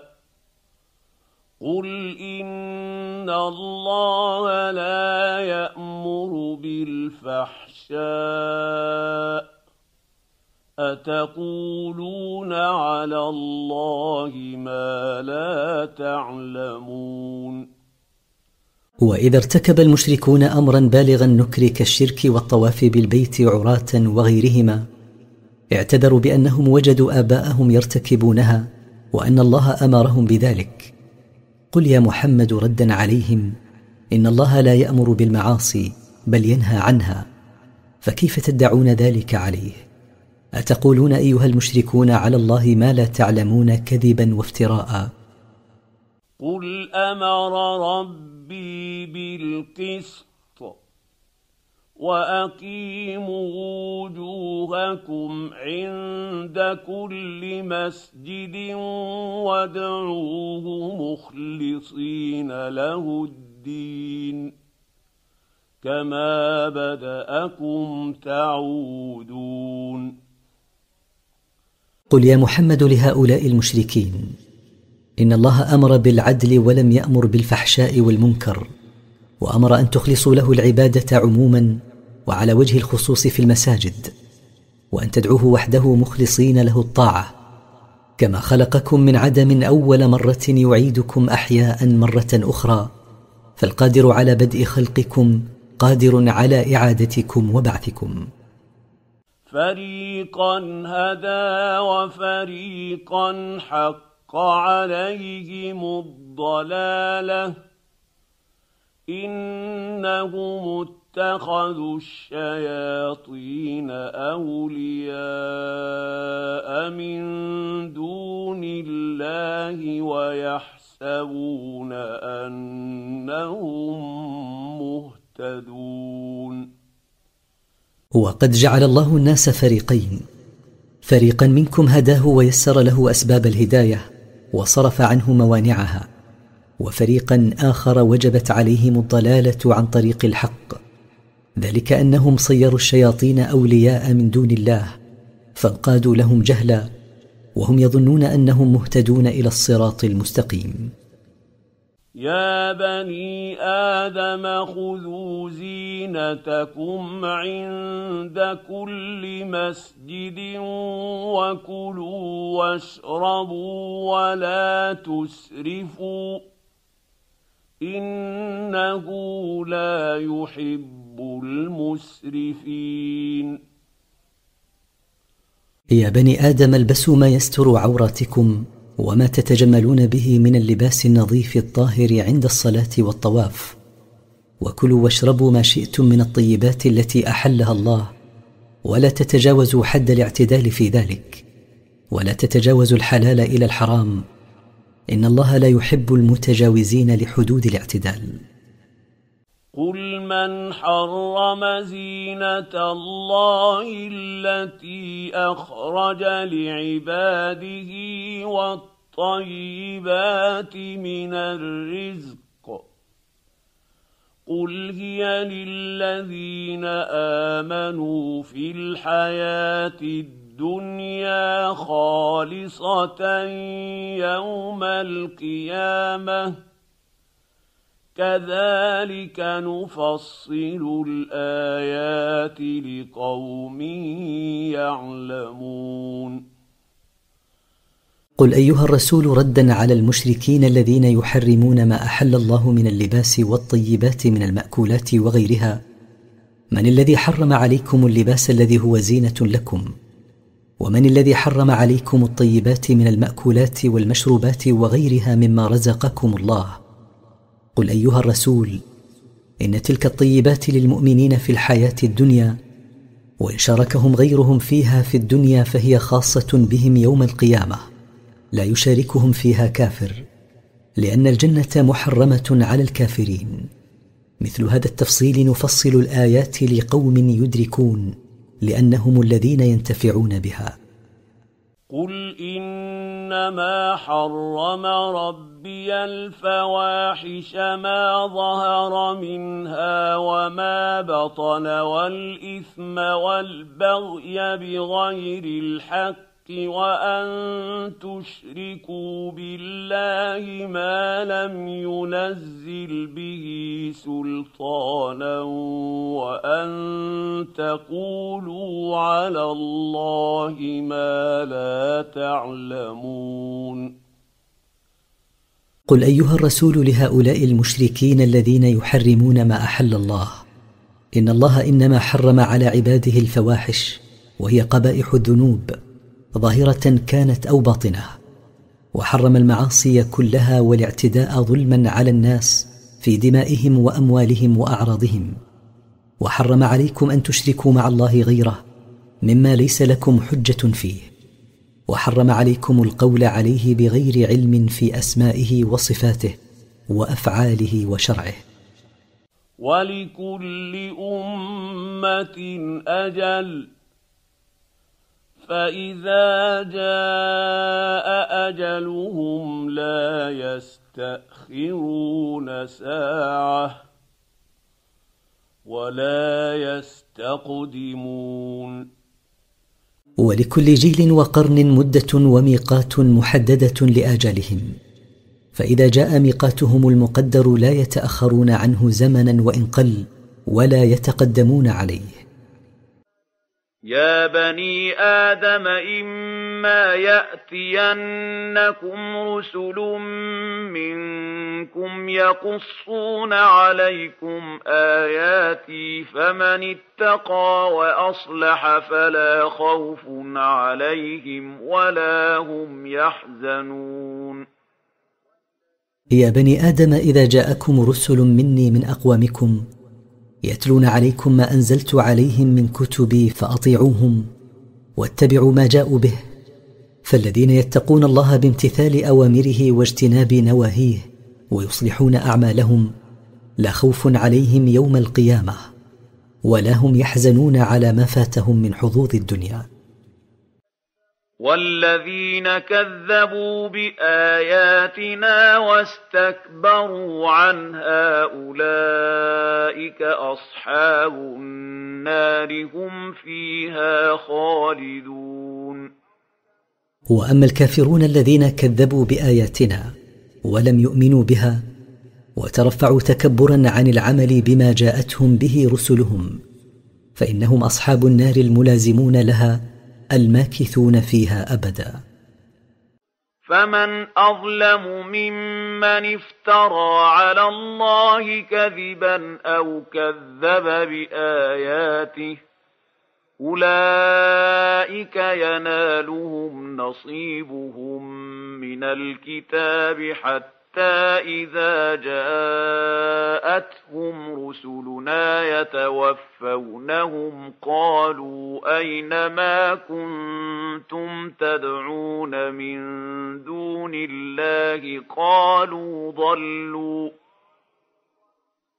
قالوا ضلوا عنا وشهدوا على أنفسهم أنهم كانوا كافرين. لا أحد أظلم من الذي يفتري على الله الكذب بنسبة الشريك إليه أو النقص أو القول عليه بما لم يقله أو كذب بآياته الجلية الهادية إلى صراطه المستقيم. أولئك المتصفون بذلك ينالهم حظهم المكتوب لهم في اللوح المحفوظ من خير أو شر. حتى إذا جاءهم ملك الموت وأعوانه من الملائكة لقبض أرواحهم قالوا لهم توبيخا لهم أين الآلهة التي كنتم تعبدونها من دون الله؟ ادعوها لتنفعكم. قال المشركون للملائكة لقد ذهبت عنا الآلهة التي كنا نعبد وغابت فلا ندري أين هي. وأقروا على أنفسهم أنهم كانوا كافرين لكن إقرارهم في ذلك الحين حجة عليهم ولن ينفعهم. قال ادخلوا في أمم قد خلت من قبلكم من الجن والإنس في النار كلما دخلت أمة لعنت أختها حتى حتى إذا اداركوا فيها جميعا حتى إذا اداركوا فيها جميعا قالت أخراهم لأولاهم ربنا هؤلاء أضلونا فآتهم عذابا ضعفا من النار قال لكل ضعف ولكن لا تعلمون قالت لهم الملائكة ادخلوا أيها المشركون في جملة أمم قد مضت من قبلكم على الكفر والضلال من الجن والإنس في النار. كلما دخلت أمة من الأمم لعنت أختها التي سبقتها إلى النار. حتى إذا تلاحقوا فيها واجتمعوا كلهم قالت أخراهم دخولا وهم السفلة والأتباع لأولاهم وهم الكبراء والسادة. يا ربنا هؤلاء الكبراء هم الذين أضلونا عن طريق الهداية فعاقبهم عقابا مضاعفا لتزيينهم الضلال لنا. قال الله ردا عليهم لكل طائفة منكم نصيب من العذاب مضاعف ولكنكم تجهلون ذلك ولا تدركونه. وقالت أولاهم لأخراهم فما كان لكم علينا من فضل فذوقوا العذاب بما كنتم تكسبون. وقال السادة المتبوعون لأتباعهم ليس لكم أيها الأتباع علينا من فضل تستحقون به تخفيف العذاب عنكم فالعبرة بما كسبتم من الأعمال ولا عذر لكم في اتباع الباطل. فذوقوا أيها الأتباع العذاب مثلما ذقناه بسبب ما كنتم تكسبون من الكفر والمعاصي. ان الذين كذبوا باياتنا واستكبروا عنها لا تفتح لهم ابواب السماء ولا يدخلون الجنه حتى حتى يلج الجمل في سم الخياط وكذلك نجزي المجرمين إن الذين كذبوا بآياتنا الواضحة وتكبروا عن الانقياد والإذعان لها آيسون من كل خير. فلا تفتح أبواب السماء لأعمالهم بسبب كفرهم ولا لأرواحهم إذا ماتوا ولا يدخلون الجنة أبدا حتى يدخل الجمل وهو من أعظم الحيوانات في ثقب الإبرة الذي هو من أضيق الأشياء وهذا من المستحيل. فالمعلق عليه وهو دخولهم الجنة مستحيل. ومثل هذا الجزاء يجزي الله من عظمت ذنوبه. لهم من جهنم مهاد ومن فوقهم غواش وكذلك نجزي الظالمين. لهؤلاء المكذبين المتكبرين من جهنم فراش يفترشونه. ولهم من فوقهم أغطية من نار. ومثل هذا الجزاء نجزي المتجاوزين لحدود الله بكفرهم به وإعراضهم عنه. والذين آمنوا وعملوا الصالحات لا نكلف نفسا إلا وسعها أولئك أصحاب الجنة هم فيها خالدون.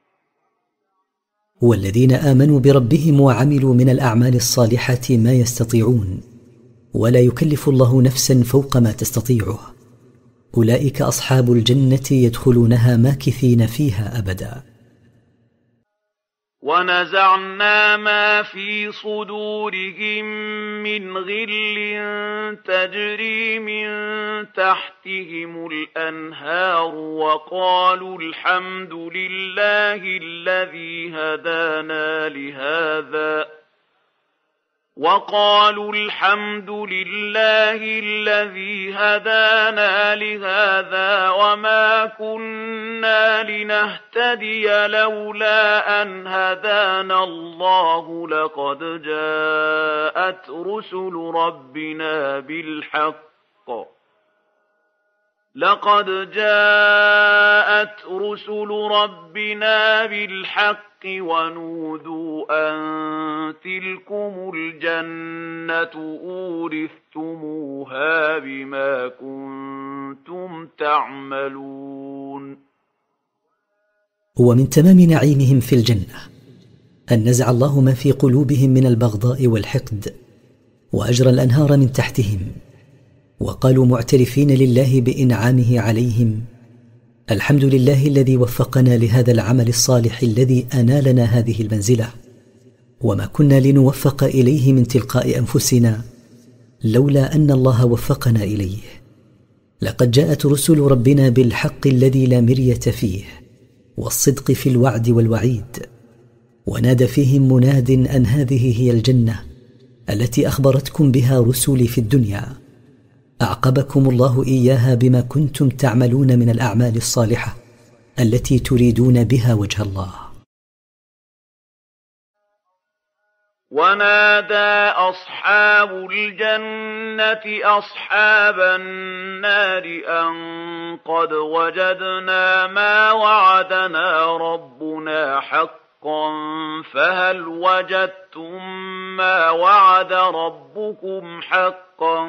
قالوا نعم. قالوا نعم فأذن مؤذن بينهم اللعنة الله على الظالمين. ونادى أهل الجنة الملازمون لها أهل النار الملازمين لها بعد دخول كل منهما منزله المعد له. إنا قد لقينا ما وعدنا ربنا من الجنة واقعا متحققا فقد أدخلنا إياها. فهل لقيتم أيها الكفار ما توعدكم الله به من النار واقعا متحققا؟ قال الكفار لقد وجدنا ما توعدنا به من النار حقا. فنادى مناد داعيا الله أن يطرد الظالمين من رحمته. فقد فتح لهم أبواب رحمته فأعرضوا عنها في الحياة الدنيا. الذين يصدون عن سبيل الله ويبغونها عوجا وهم بالآخرة كافرون. هؤلاء الظالمون هم الذين كانوا يعرضون عن سبيل الله بأنفسهم ويحملون غيرهم على الإعراض عنها ويرجون أن تكون سبيل الحق معوجة حتى لا يسلكها الناس. وهم بالآخرة كافرون غير مستعدين لها. وبينهما حجاب وعلى الأعراف رجال يعرفون كلا بسيماهم ونادوا أصحاب الجنة أن سلام عليكم لم يدخلوها وهم يطمعون. وبين هذين الفريقين أصحاب الجنة وأصحاب النار حاجز مرتفع يسمى الأعراف. وعلى هذا الحاجز المرتفع رجال استوت حسناتهم وسيئاتهم وهم يعرفون أصحاب الجنة بعلاماتهم كبياض الوجوه وأصحاب النار بعلاماتهم كسوادها. ونادى هؤلاء الرجال أصحاب الجنة تكريما لهم قائلين سلام عليكم وأصحاب الجنة لم يدخلوا بعد. وهم يأملون دخولها برحمة من الله. وإذا صرفت أبصارهم تلقاء أصحاب النار قالوا ربنا لا تجعلنا مع القوم الظالمين. وإذا حولت أبصار أصحاب الأعراف إلى أصحاب النار وشاهدوا ما هم فيه من العذاب الشديد قالوا داعين الله يا ربنا لا تصيرنا مع القوم الظالمين بالكفر والشرك بك. ونادى أصحاب الأعراف رجالا يعرفونهم بسيماهم قالوا ما أغنى عنكم جمعكم وما كنتم تستكبرون. ونادى أصحاب الأعراف رجالا من أهل النار من الكفار يعرفونهم بعلاماتهم كسواد وجوههم وزرقة عيونهم. قائلين لهم لم ينفعكم تكثركم بالمال والرجال وما نفعكم إعراضكم عن الحق تكبرا واستعلاء. أهؤلاء الذين أقسمتم لا ينالهم الله برحمة ادخلوا الجنة لا خوف عليكم ولا أنتم تحزنون. وقال الله موبخا الكفار أهؤلاء هم الذين حلفتم الا ينالهم الله برحمة من عنده؟ وقال الله للمؤمنين ادخلوا أيها المؤمنون الجنة لا خوف عليكم فيما تستقبلونه ولا أنتم تحزنون على ما فاتكم من حظوظ الدنيا لما لقيتم من النعيم المقيم. ونادى أصحاب النار أصحاب الجنة أن أفيضوا علينا من الماء أو مما رزقكم الله. قالوا إن الله حرمهما على الكافرين.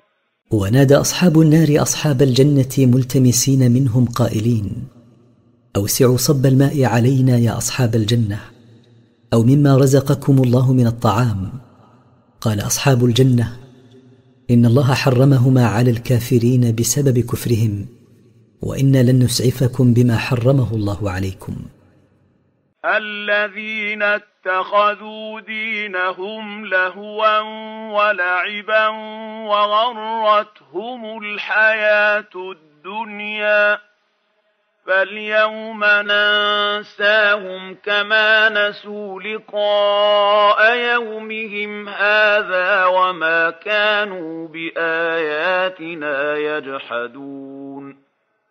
هؤلاء الكافرون هم الذين جعلوا دينهم سخرية وعبثا وخدعتهم الحياة الدنيا بزخرفها وزينتها.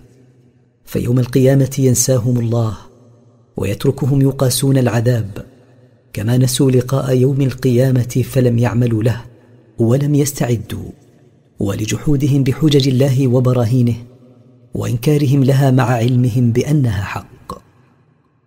ولقد جئناهم بكتاب فصلناه على علم هدى ورحمه لقوم يؤمنون ولقد جئناهم بهذا القرآن الذي هو كتاب منزل على محمد صلى الله عليه وسلم وقد بيناه على علم منا بما نبينه وهو هاد للمؤمنين إلى طريق الرشد والحق.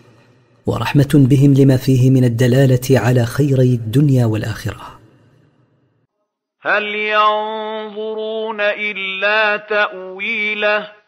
يوم يأتي تأويله يقول الذين نسوه من قبل قد جاءت رسل ربنا بالحق فهل لنا من شفعاء فيشفعوا لنا أو نرد فنعمل غير الذي كنا نعمل ۖ قد خسروا أنفسهم وضل عنهم ما كانوا يفترون ما ينتظر الكفار إلا وقوع ما أخبروا بوقوعه من العذاب الأليم الذي يؤول إليه أمرهم في الآخرة.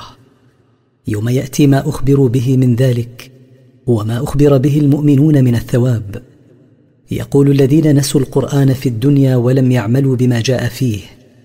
لقد جاءت رسل ربنا بالحق الذي لا مرية فيه ولا شك أنه من عند الله. فليت لنا وسطاء يشفعون لنا عند الله ليعفينا من العذاب.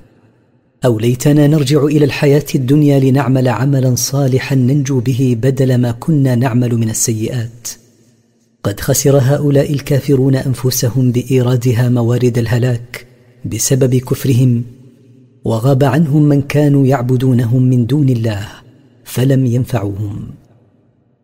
إن ربكم الله الذي خلق السماوات والأرض في ستة أيام ثم استوى على العرش يغشي الليل النهار يطلبه حثيثا والشمس والقمر والنجوم مسخرات بأمره.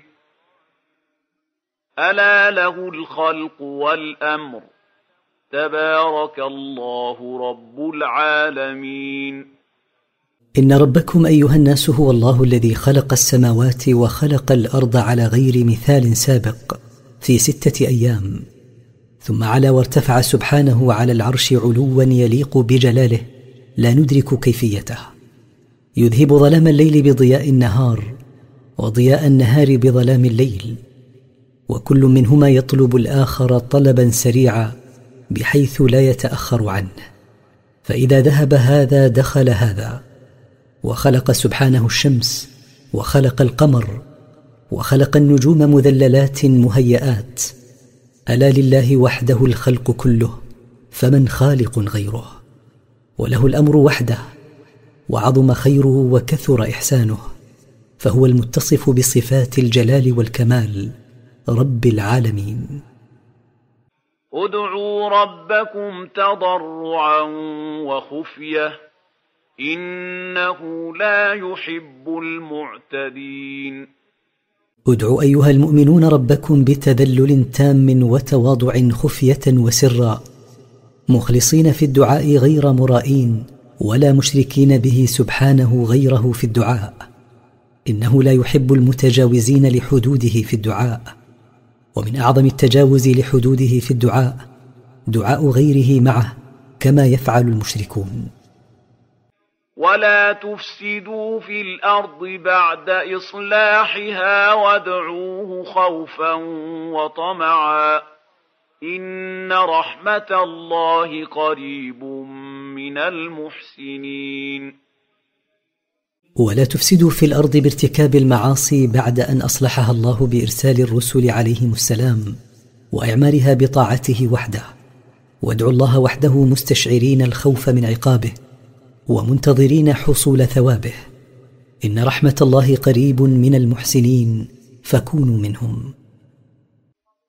وهو الذي يرسل الرياح بشرا بين يدي رحمته حتى حتى إذا أقلت سحابا ثقالا سقناه لبلد ميت فأنزلنا به الماء فأخرجنا به حتى إذا أقلت سحابا ثقالا سقناه لبلد ميت فأنزلنا به الماء فأخرجنا به من كل الثمرات. كذلك نخرج الموتى لعلكم تذكرون. والله سبحانه هو الذي يرسل الرياح مبشرات بالمطر حتى إذا حملت الرياح السحاب المثقل بالماء سقنا السحاب إلى بلد مجدب فأنزلنا بالبلد الماء فأخرجنا بالماء من جميع أنواع الثمار مثل إخراج الثمر على تلك الصورة نخرج الموتى من قبورهم أحياء فعلنا ذلك رجاء أنكم أيها الناس. تتذكرون قدرة الله وبديع صنعه وأنه قادر على إحياء الموتى. والبلد الطيب يخرج نباته بإذن ربه والذي خبث لا يخرج إلا نكدا. كذلك نصرف الآيات لقوم يشكرون. والأرض الطيبة تخرج نباتها بإذن الله اخراجا حسنا تاما. وهكذا المؤمن يسمع الموعظة فينتفع بها فتنتج عملا صالحا. والأرض السبخة المالحة لا تخرج نباتها إلا عسرا لا خير فيه. وهكذا الكافر لا ينتفع بالمواعظ فلا تنتج عنده عملا صالحا ينتفع به. مثل هذا التنويع البديع ننوع البراهين والحجج لإثبات الحق. لقوم يشكرون نعم الله فلا يكفرونها ويطيعون ربهم. لقد أرسلنا نوحا إلى قومه فقال يا قوم اعبدوا الله ما لكم من إله غيره إني أخاف عليكم عذاب يوم عظيم. لقد بعثنا نوحا رسولا إلى قومه يدعوهم إلى توحيد الله وترك عبادة غيره فقال لهم يا قوم اعبدوا الله وحده فليس لكم معبود بحق غيره. إني أخاف عليكم يا قوم عذاب يوم عظيم في حال إصراركم على الكفر. قال الملا من قومه أنا لنراك في ضلال مبين قال له ساده قومه وكبراؤهم أنا لنراك يا نوح في بعد عن الصواب واضح. قال يا قوم ليس بي ضلاله ولكني رسول من رب العالمين. قال نوح لكبراء قومه لست ضالا كما زعمتم وإنما أنا على هدى من ربي فأنا رسول إليكم من الله ربي وربكم ورب العالمين كلهم. أبلغكم رسالات ربي وأنصح لكم وأعلم من الله ما لا تعلمون. أبلغكم ما أرسلني الله به إليكم مما أوحى إلي وأريد لكم الخير بترغيبكم في امتثال أمر الله وما يترتب عليه من ثواب وترهيبكم من ارتكاب نواهيه وما يترتب عليه من العقاب. وأعلم من الله سبحانه ما لا تعلمون مما علمني عن طريق الوحي. اوعجبتم ان جاءكم ذكر من ربكم على رجل منكم لينذركم ولتتقوا ولعلكم ترحمون اثار عجبكم واستغربكم ان جاءكم وحي وموعظه من ربكم على لسان رجل منكم تعرفونه فقد نشأ فيكم ولم يكن كذابا ولا ضالا وليس من جنس آخر. جاءكم ليخوفكم من عقاب الله إن كذبتم وعصيتم ولتتقوا الله بامتثال أوامره واجتناب نواهيه. ورجاء أن ترحموا إن آمنتم به. فكذبوه فانجيناه والذين معه في الفلك واغرقنا الذين كذبوا باياتنا انهم كانوا قوما عمين فكذبه قومه ولم يؤمنوا به بل استمروا على كفرهم فدعا عليهم ان يهلكهم الله فسلمناه وسلمنا الذين معه في السفينة من المؤمنين من الغرق. وأهلكنا الذين كذبوا بآياتنا واستمروا على تكذيبهم بالغرق بالطوفان المنزل عقابا لهم إن قلوبهم كانت عميا عن الحق. وإلى عاد أخاهم هودا قال يا قوم اعبدوا الله ما لكم من إله غيره أفلا تتقون؟ وأرسلنا إلى قبيلة عاد رسولا منهم هو هود عليه السلام. قال يا قوم اعبدوا الله وحده فليس لكم معبود بحق غيره. أفلا تتقونه بامتثال أوامره واجتناب نواهيه لتسلموا من عذابه؟ قال الملأ الذين كفروا من قومه أنا لنراك في سفاهه وأنا لنظنك من الكاذبين قال الكبراء والسادة من قومه الذين كفروا بالله وكذبوا رسوله إنا لنعلم أنك يهود في خفة عقل وطيش حين تدعون إلى عبادة الله وحده. وترك عبادة الأصنام. وإنا لنعتقد جازمين أنك من الكاذبين فيما تدعيه من أنك مرسل. قال يا قوم ليس بي سفاهة ولكني رسول من رب العالمين. قال هود ردا على قومه يا قوم ليس بي خفة عقل وطيش بل إني رسول من رب العالمين. أبلغكم رسالات ربي وأنا لكم ناصح أمين. أبلغكم ما أمرني الله بتبليغه إليكم من توحيده وشرعه وأنا لكم ناصح فيما أمرت بتبليغه أمين. لا أزيد فيه ولا أنقص. أوعجبتم أن جاءكم ذكر من ربكم على رجل منكم لينذركم واذكروا إذ جعلكم خلفاء من بعد قوم نوح وزادكم في الخلق بسطة فاذكروا آلاء الله لعلكم تفلحون. أو أثار عجبكم واستغربكم أن جاءكم تذكير من ربكم على لسان رجل من جنسكم. ليس من جنس الملائكة أو الجن لينذركم. واحمدوا ربكم واشكروه على أن مكن لكم في الأرض.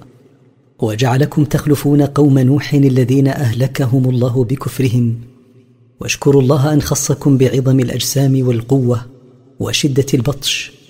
واذكروا نعم الله الواسعة عليكم رجاء أن تفوزوا بالمطلوب وتنجوا من المرهوب.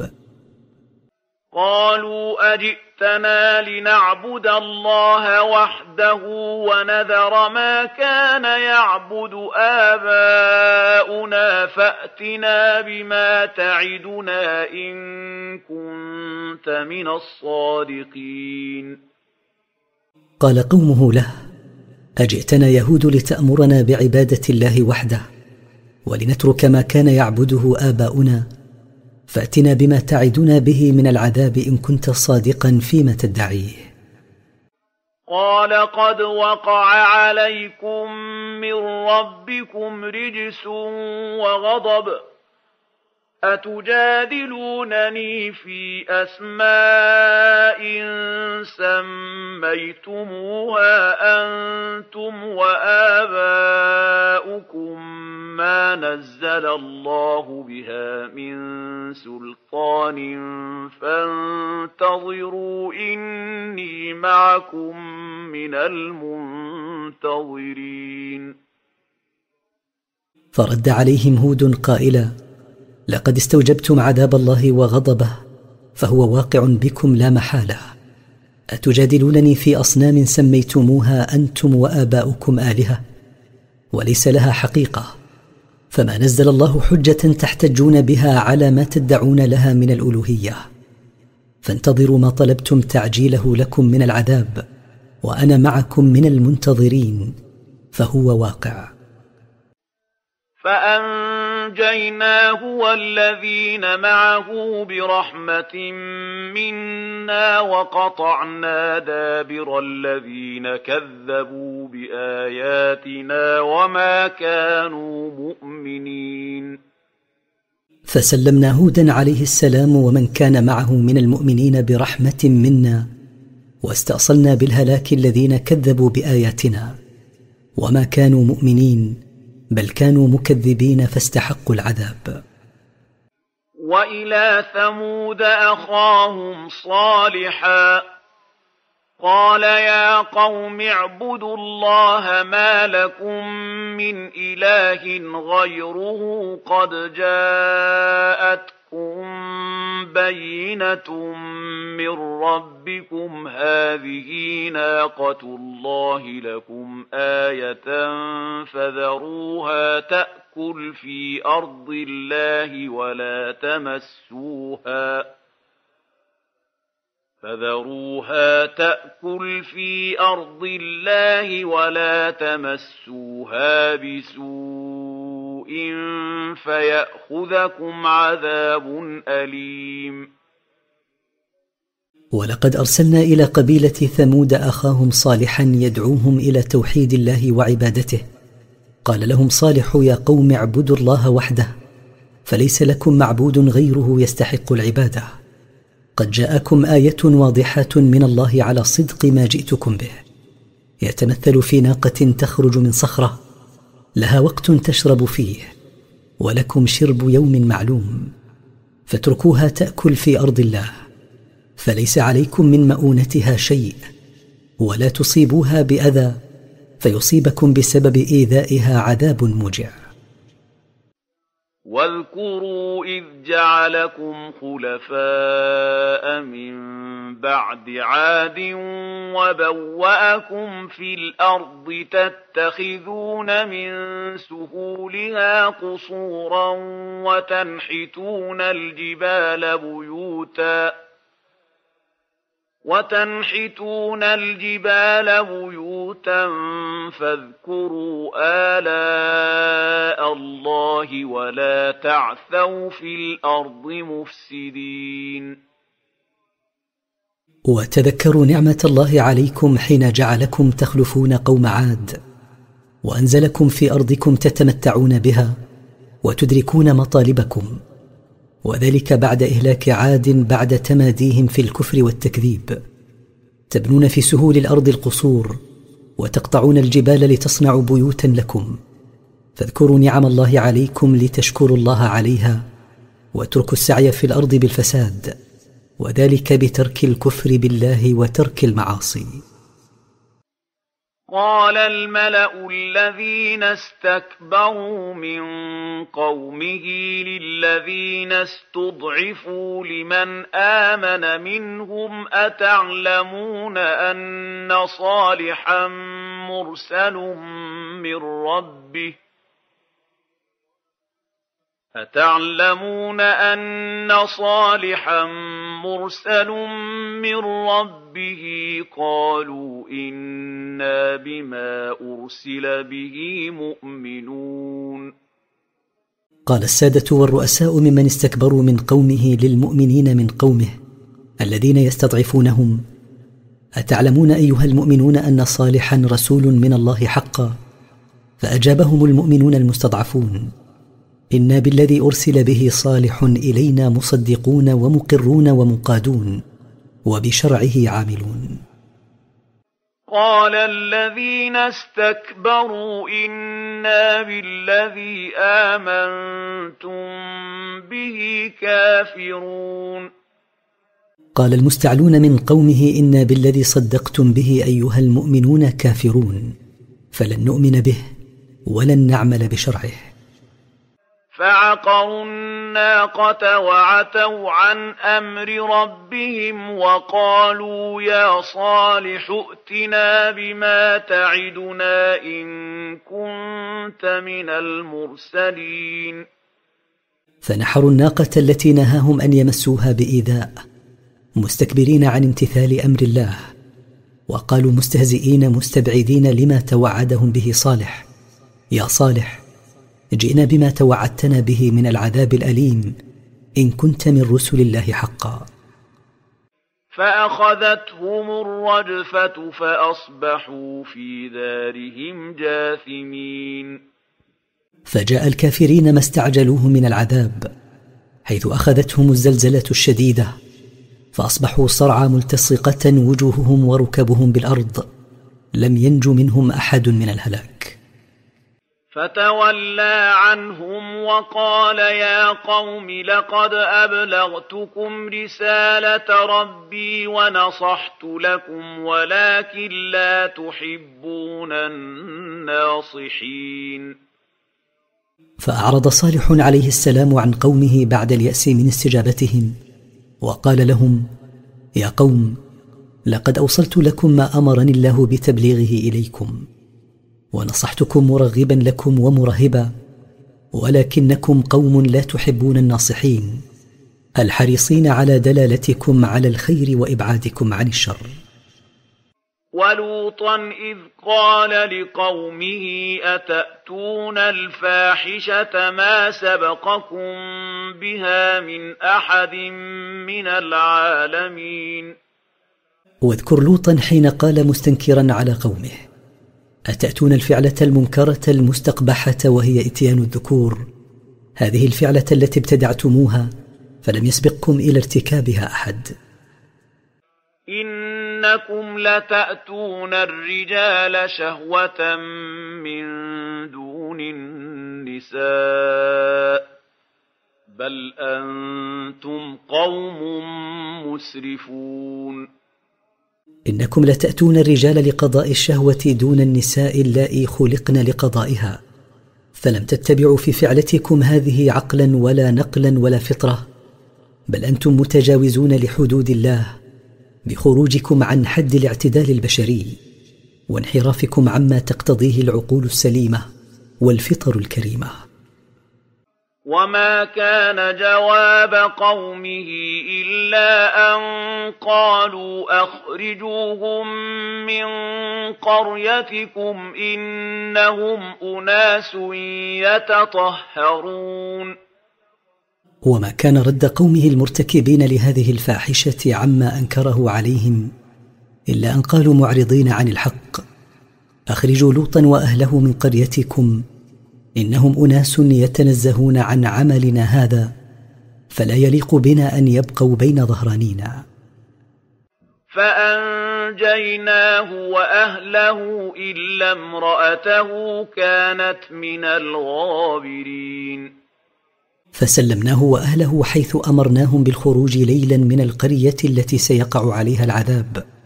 إلا امرأته صارت مع الباقين مع قومها فأصابها ما أصابهم من العذاب. وأمطرنا عليهم مطرا فانظر كيف كان عاقبة المجرمين. وأمطرنا عليهم مطرا عظيما حيث رميناهم بحجارة من طين وقلبنا القرية فجعلنا عاليها سافلها. فتأمل أيها الرسول كيف كان عاقبة قوم لوط المجرمين. فقد كانت عاقبتهم الهلاك والخزي الدائم. وإلى مدين أخاهم شعيبا قال يا قوم اعبدوا الله ما لكم من اله غيره قد جاءتكم بينه من ربكم فاوفوا الكيل والميزان ولا تبخسوا الناس اشياءهم فأوفوا الكيل والميزان ولا تبخسوا الناس أشياءهم ولا تفسدوا في الأرض بعد إصلاحها ذلكم خير لكم إن كنتم مؤمنين. ولقد أرسلنا إلى قبيلة مدين أخاهم شعيبا عليه السلام فقال لهم يا قوم اعبدوا الله وحده ما لكم من معبود يستحق العبادة غيره. قد جاءكم برهان من الله واضح وحجة جلية على صدق ما جئتكم به من ربي. أدوا إلى الناس حقوقهم بإكمال الكيل وإكمال الوزن. ولا تنقصوا الناس بعيب سلعهم والتزهيد فيها أو المخادعة لأصحابها. ولا تفسدوا في الأرض بالكفر وارتكاب المعاصي بعد إصلاحها ببعثة الأنبياء من قبل. ذلك المذكور خير لكم وأنفع إن كنتم مؤمنين. لما فيه من ترك المعاصي اجتنابا لنهي الله عنها ولما فيه من التقرب إلى الله بفعل ما أمر به.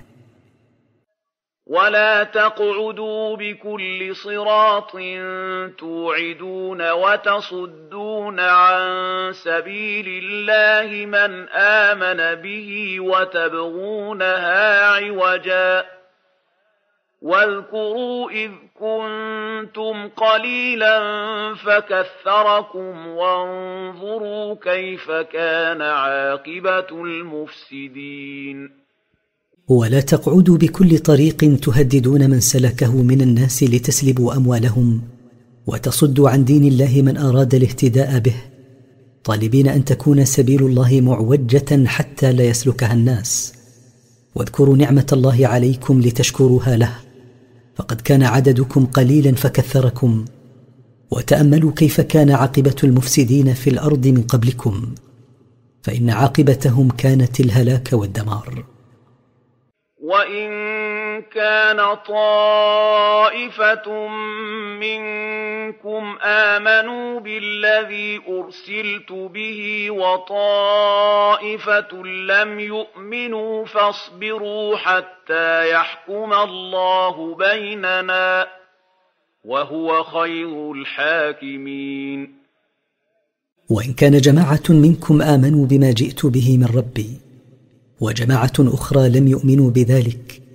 فانتظروا أيها المكذبون ما يفصل الله بينكم وهو خير من يفصل وأعدل من يقضي.